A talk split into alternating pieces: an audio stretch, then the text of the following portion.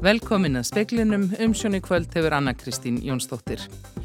Forsættisra á þeirra segir að orkureikningar síðast lega heimili og fyrirtæki í Evrópu. Orkuskortur og óvissa í öryggismálum voru til umræðu á nýstofnuðum vettvangi þjóðarleðtoga álfinar í dag. Tveir menn sem grunar er um skipulagningu hriðjuverka verða áfram í gæsluvarðaldi og einangrun. Þeir hafa verið í einangrun frá handtöku 21. september og verjendur þeirra hafa kært úrskurðin til landsréttar. Verkfallsbóðun verður mögulega rætt á formannafundi í sjómannasambandsins í vestmannegjum um helgina. 1. desember verða þrjú ár frá því að kjara samningu sjómanna rann út.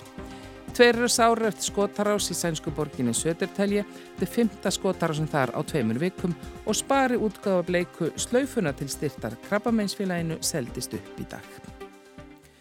Það stefnir í langan og kaldan vetur í Evrópu og þó svo að Íslendingar eigi næja orku þá verða áhrifin hérlandi þó nokkur.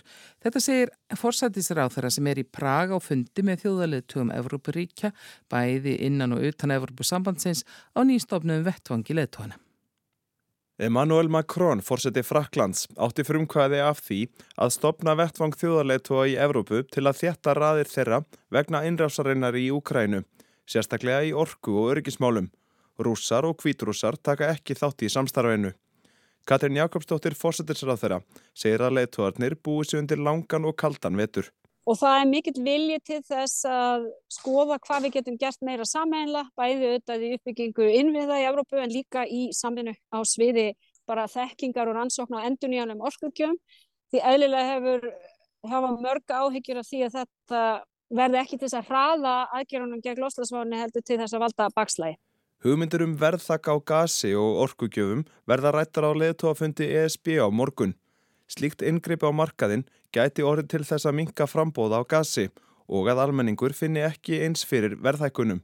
Það er náttúrulega ljóst að víða er bara staðan það þunga bæði heimili og fyrirtæki er einfallega ekkert að ráða við þessu orkurreininga og það er bara þannig að þessi ríki eru mörg fyrir að setja alveg gríðarlega innspýtingu til þess að lækka þá. Saði Katrín Jakobsdóttir í viðtali við Bjarn Malmqvist, Bjarni Rúnarsson tók saman og nánar er rætt við Katrínu síðar í speklinum. Hérastómur Reykjavíkur félst í dag og kröfu hérasaksóknara um að menninni tveir sem eru grunnaður um að hafa unnið að skipulagningu hriðjverka verði áfram í gæsluvarðhaldi og einangrun. Verjendu þeirra begja hafa kært úrskurðin til landsréttar. Ólafur Þór Haugsson, hér að saksóknar í staðfestir að dómurinn hafi fallist á kröfu en bættisins. Sankant upplýsingum fréttastofu er úrskurðurinn á grundvelli rannsóknar hagsmuna, rannsóknin sé umfangsmikil og enna í eftir að yfirheyra aðra. Menninir hafa verið í einangrun frá því að voru handteknir 21. september. Verjendur begja hafa gaggrín þessa laungu dvöluðar í einangrun og þeir kærðu báðir úrskurð hér að stóms í dag til landsréttar. Að einn hefur verið látin laus í tengslu við rannsók lauruglu og morði í Ólafsferði. Þetta kemur fram í stuttri færslu frá lauruglun á Norðalandi Eistra á Facebook. Tveir sæta áfram gæsluvarðhaldi. Skísla var tekin að sagborningum í gær og í dag og einning gerð réttar kröpninga á hennum látna. Ekki er búist við niðurstuður þeirri rannsók fyrir neftir nokkrar vikur. Á formannafundi sjómannasambandsins í vestmanni um helgina verður með annars rætt um það hvort að sjómenn ætli í verkvall. Fyrsta desember verða þrjú ár frá því að samningur þeirra rann út. Eftir í tæplega tíu vekna verkvall í áspyrjun 2017 gengur sjómenn og samtök fyrirtækja í sjáorútvegi frá kjærasamningi. Það höfðu sjómenn verið án samnings í sex ár. Valmundur Valmundsson, formaðu sjómanarsambatsin, segir að rúmlega 30 fundir hafi verið haldnir hjá ríkisattasemera frá því að samningurinn rann út 1. desember 2019. Þeir hafi engum árangri skilað. Valmundur segir að hart sé tekist á um líferismál, atvinnureikandur vilji ekki hækka prósentun úr 12 í 15 og haldt nema sjómenn lækki skiptaprósentu. Í salegsamkomuleginu sólnenda frá 2016 var samið um að viðgjaldið hækka úr 12% í þrepum. Alþingi samþýtt í sumar að frá með 1. janúar á næsta ári verði yðgjaldið 15,5%. Bráðabyrða ákveði í lögunu hveður á um að svo prosentu tala taki ekki gildi fyrir hann kjærasamningu sé í höfn. Valmundur segir í samtali við frettastofuna að hann sé ekki bjart síðan á að samningar náist og því verði möguleg verkfallsbóðun rætt á formannafundinum í eigum. Arna Björnsson sæði frá. Tveir eru særðir eftir skotarás í sænsku borginni Södertelje. Þeir eru fymtu í borgin á innan við tveimur vikum. Annar hinn að særðu var fluttur með þyrtlu og sjúkrás. Lögregla fekk tilkynningu um árás í Saltskúk hverfinu á sjönda tímanum í kvölda staðatíma. Mats Eriksson, talsmaður lögreglu, segir fjölmend lið á staðnum að yfirheyra vittni og árásarmannsins eða mannanna sé leitað. Tvær mannskjæðar skotarásir voru gerðar í Södertelje um helgina. Menta og badnamálaráð þeirra segir of langan tíma að tekið að bregðast við röttum þólenda. Rektor mentaskólans við Hamralí segir alltaf með ekki gera betur en að hlusta sé á rattir framhaldsskólanema sem þrýsta á stjórnvöld og skólastjórnendur að þeir tanki á ásökunum um kynferðsofbeldi af meiri þunga. Nefndunni gera þá kröfu að mengtum gerendum verði vikið úr staðanámi sér þeir kærðir til öruglu vegna kynferðisbrota. Nefndur í MH hafi vikunni mótmælt við harlega að þólendur þurfi að mæta mengtum gerendum sínum á göngum skólans. Í dag var tilkynnt að menta og barnamálar á þeirra hefði bóða skólastjórnendur á fund um viðbröfi kynferðisofbeldi í framhaldsskólum. Við skorum á ásmund einar að hlusta á kröfur hagsmunu aðila. Sagði Urður Bartels á samstöðufundi fyrir í dag. Steinn Jóhansson, rektor mentaskólans við Hamrallíð, sér þrjá nefnendur hafa tilkent kynfyrirsóbeldi eða áreitni til skólastjórnunda á þessu haustmisseri.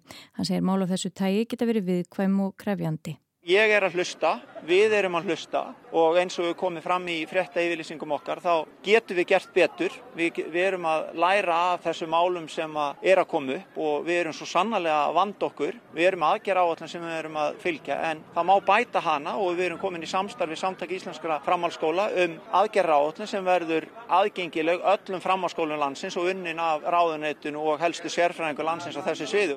Ásmund Reynar Daðarsson, barna og mentamálar á þeirra, segir að oflangan tíma hafi tekið að bregðast til röttum þólenda. Nauðsynlegt sé að hlusta ungt fólk, bóðbera nýra tíma. Sólvei Klara Ragnarstóttir tók saman. Fjármálaráðuniti hefur krafið framkvæmdastjóra úrvinnslusjóðs um endurgreðslu á ofgreitum launum sem nema um 10 miljónum króna. Stundin greindi fyrst frá.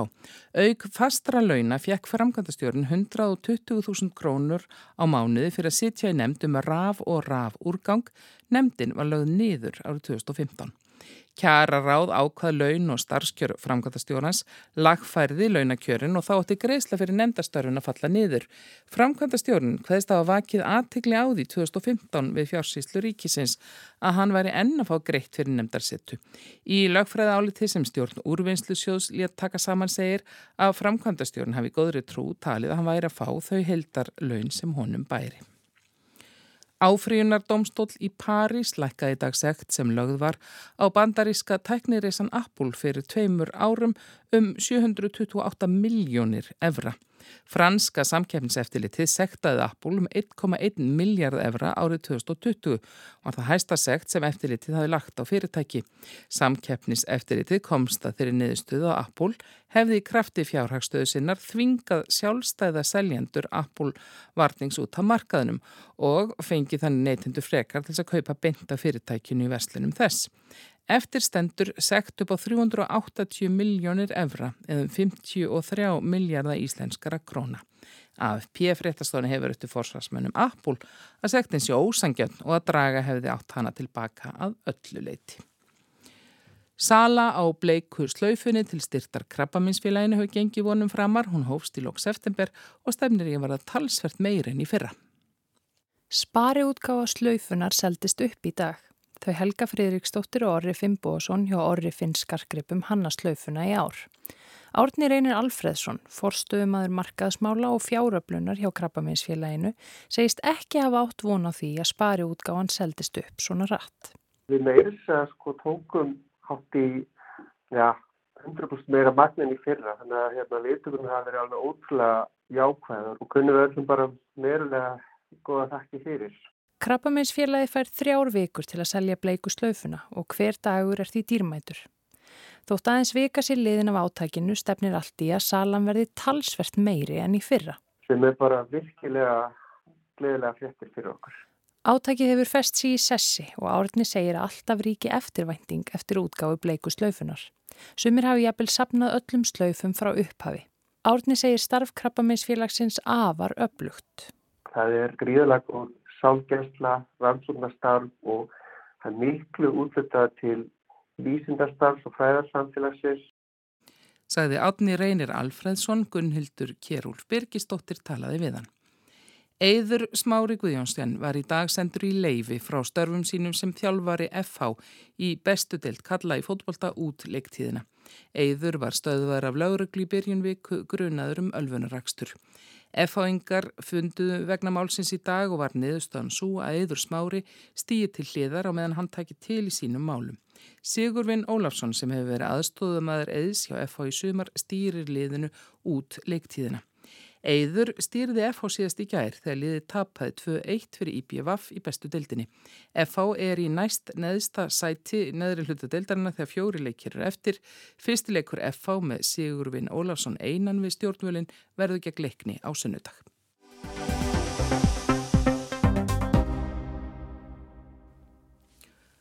Forsættisráð þar að segir að framöndan séu erfiðir tímar í orkumálum í Evrópu. Ísland njóti forréttenda því að það sé auðugt af orku auðlindum. Samdráttur í Evrópu hafi enga síður efnarsleg áhrif á Ísland. Leðtóðar flestra Evrópuríkja komi saman í dag á nýjum umræðu vettvangi til að efla samstöðu meðal þjóðuna. Rússar og kvítrússar taka ekki þátt í þessu nýja samstarfi sem komið var á fót að frumkvaði Emanuels Macrons fórsetta Fraklands. Macron vonar að þessi nýji vettvangur verður til þess að þjætta raðir á meðal Evrópu þjóða bæði innan sem utan Evrópu sambandsins í orku og öryggismálum.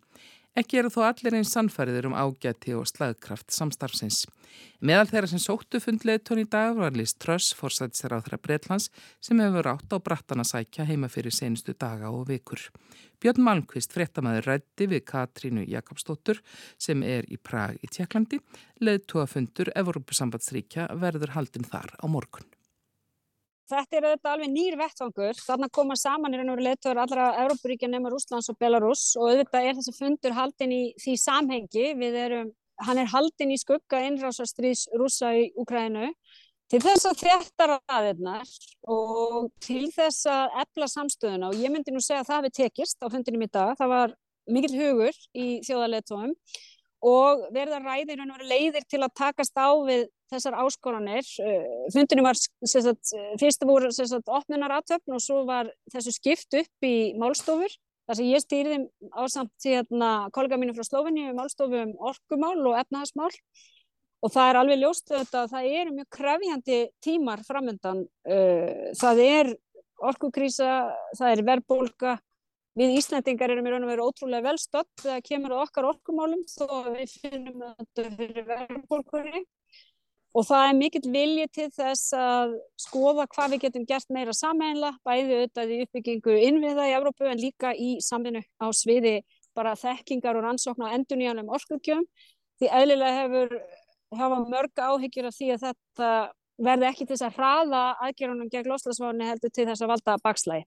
Það er nákvæmlega það sem að menn er að spá í til dæmis með tillögu sem verður rættar á leituafundi ESP sem verður í Prag á morgun. Það er þessar hugmyndur um, um verð þakk og, og menn mm -hmm. hafa jú áhyggjur af því að, að, að, að svoleiðis uh, yngripp í markaðin verður til þess að, já í fyrsta legi að mögulega mingi frambóða á, á gassi og í öðru legi að það kom ekki til með að draga úr notkunum vegna þess að almenningur finni þá ekki ja, mikið fyrir verðhækunum eins og, eins og annars. Var það rætt í dag? Já, já. Já, þetta var sjálfsögur rætt og, og þessi fundur er náttúrulega óvanlega. Það er ekki neinn svona yfirlýsing sem likur fyrir sem er samþygt á fundunum. Þetta eru óformleg samtöl sem eiga sér stað bara við ringborð og fólk tala mjög oppiskátt en það er náttúrulega ljóst að, að víða er bara staðan það þunga bæði heimili og fyrirtæki er einfallega ekkert að ráða við þessu orkurreininga. Og það er bara þannig að þessi ríki eru mörg fyrir að setja alveg gríðarlega innspýtingu til þess að lækka þá. Hvað með umræður um öryggisumhverfið í, í Evrópu. Þarna eru ríki allt frá já, Íslandi í vestri að, að Slovakíu, Tjekkoslovakíu, Rúmeníu í, í austri. Þau eru í mjög mismunandi mm -hmm. aðstæðum. Er, er samhljómur ennþá milli leittóða þessara ríkja um viðbröð gegn innrásrúsa og þeim og samhljómur kannski, kannski mikilvægara um sko, þær aðgerði sem hefur gripið til og munverða gripið til? Já, ég held að mér sé nú átt að segja það að það er mikill samhljómur og kannski eru það stærstu skilabúðan að þessu fundi því það er ekki formlega yfirlýsing. En það er bara svo staðrind að við erum hér að hittast, það er mikil samstafa og mikil indrækni og, og ég myndi segja kannski einmitt, mikið eftir skilabúin er að leittóðar í Európu er að þjætta raðirnar fyrir erfiðan vetur og það hefur engin breyting orðið á afstöðu okkar í þessum málum hvað var þar innrásrúsa í Ukræn. En orkumál og öryggisungur eru, eru jú nátengt þessa dagana og ég gerir ráð fyrir því að að leittóðan hafi talað um áhyggjur sínar af því að, að stöðningur almennings við til dæmis aðgerði gegn rússum, e, já það verði kannski erfiðar að viðhaldunum einmitt vegna þess að efnahagsástandið, orkuástandið er orðið svo krítist. Algjörlega en það er svo sem enn ekki komin fram neinn merki um það uh, en eðlilega hafa, hafa stjórnmálamennir hér áhyggjur af köldum vetri og þess vegna eru þetta verið að ráðast í þessar aðgerði til þess að draga úr Uh, hækkandi orkuverði áhrifum þess á almenning og fyrirtæki og það er alveg ljóst líka að ríkin eru mjög misvel í stakk búin til að takast á við þetta og það var auðvitað mjög stórt umfjöllunar efna á þessum fundi hvað geta þau sem eru betur sett gert til þess að styðja við önnur ríki. Sem er nákvæmlega það sem að þjóðverðir hafa verið í gagvindi fyrir ekki satt. Jújú og það er auðvitað eins og ég segi þetta er ekkit auðvelt því við stöndum hér allir þeim sporum að, að þurfa að huga öryggi og velferð okkar eigin borgara en um leið að vera í, í samstarfi og hérna, með okkar nánustu vinum á allþjóða vettfangi þannig að þarna eru þetta hérna, erfiðar spurningar. En hvað með þá stöðu sem að Ísland er í varandi, varandi orkumál? Við erum, já, síst, svona, svona lifum í hálgerði bómullar uh, hérna, kúlu þess að dagana, hvað var þar orku og orku öryggi? Það lítur að vera einkennileg aðstæða fyrir þig frá Íslandi að tala um þetta og heyra hvað aðeins hafa að segja. Já, já, og ég er þetta bara mjög heiðarlega með það. Okkar stað er mjög góð og við njótum ákveðin og forréttindum þessar myndir út af aðstæðum hjá okkur. En um leið höfum við ímsu að deila, hvað var þar þekkingu sem er áhuga á að deila með okkur og auðvitað er það svo líka, við verðum auðvitað fyrir áhrifum að vestnandi efnagsástandi. Það er ekki þannig að Ísland sé eiland í þeim skilningi að við erum að sjá samdrátt í helstu ríkjum Evrópu þá hefur það áhrif á Ísland. Þannig að við skulum heldur ekki ímynda okkur að við séum ósnortin af þessu öllu. Og enginn komið að tala við þig um að flytja út orku um sæstreng? Nei, ekki um sæstreng, nei. það var ekki rætt á þessum fundi. Saði Katrín Jakobsdóttir, Björn Malmqvist rætti við hana.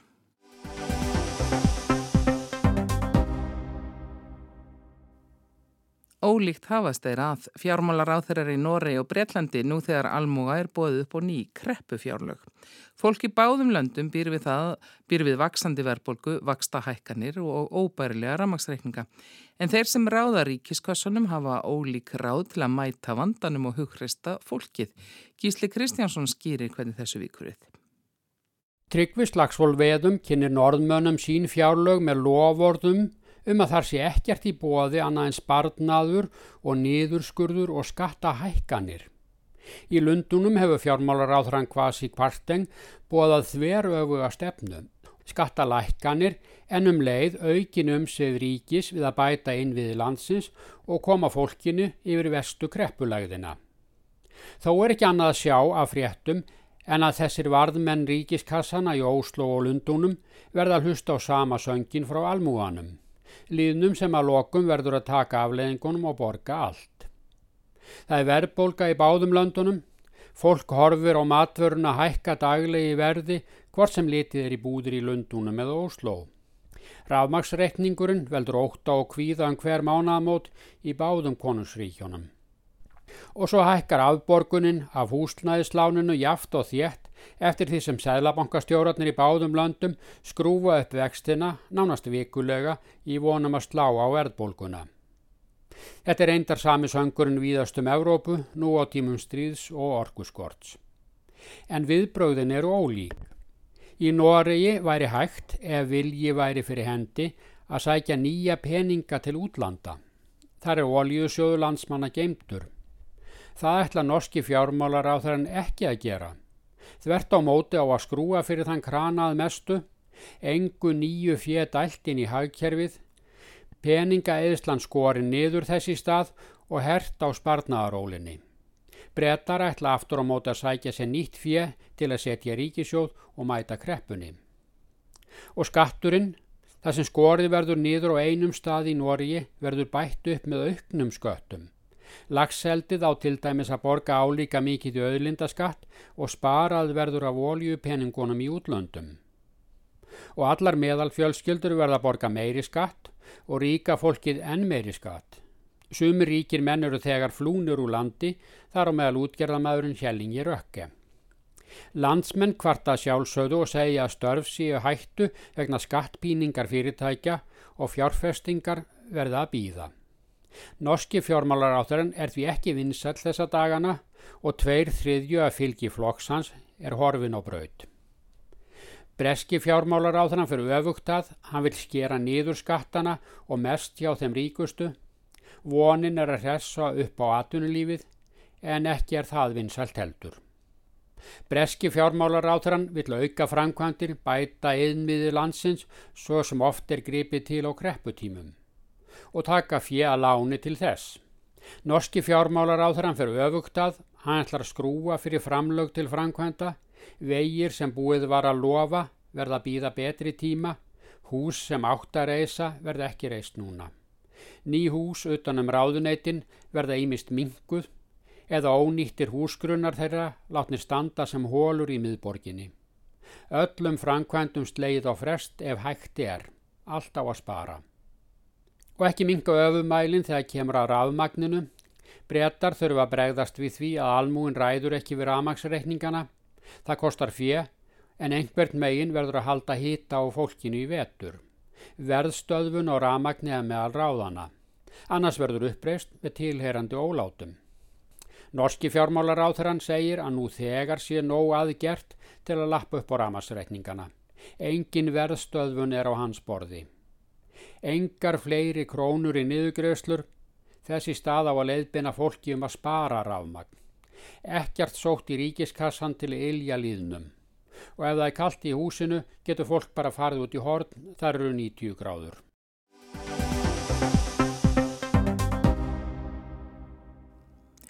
Björgunarsveitir í borginni Saporitsja í Úkrænu hafa í dag leitað fólki á lífi í rústum fjölbilisúsa sem örðu fyrir flugskeitárás síðla nættur og í morgun. Að minnstakosti þrýr léttust í árásinni.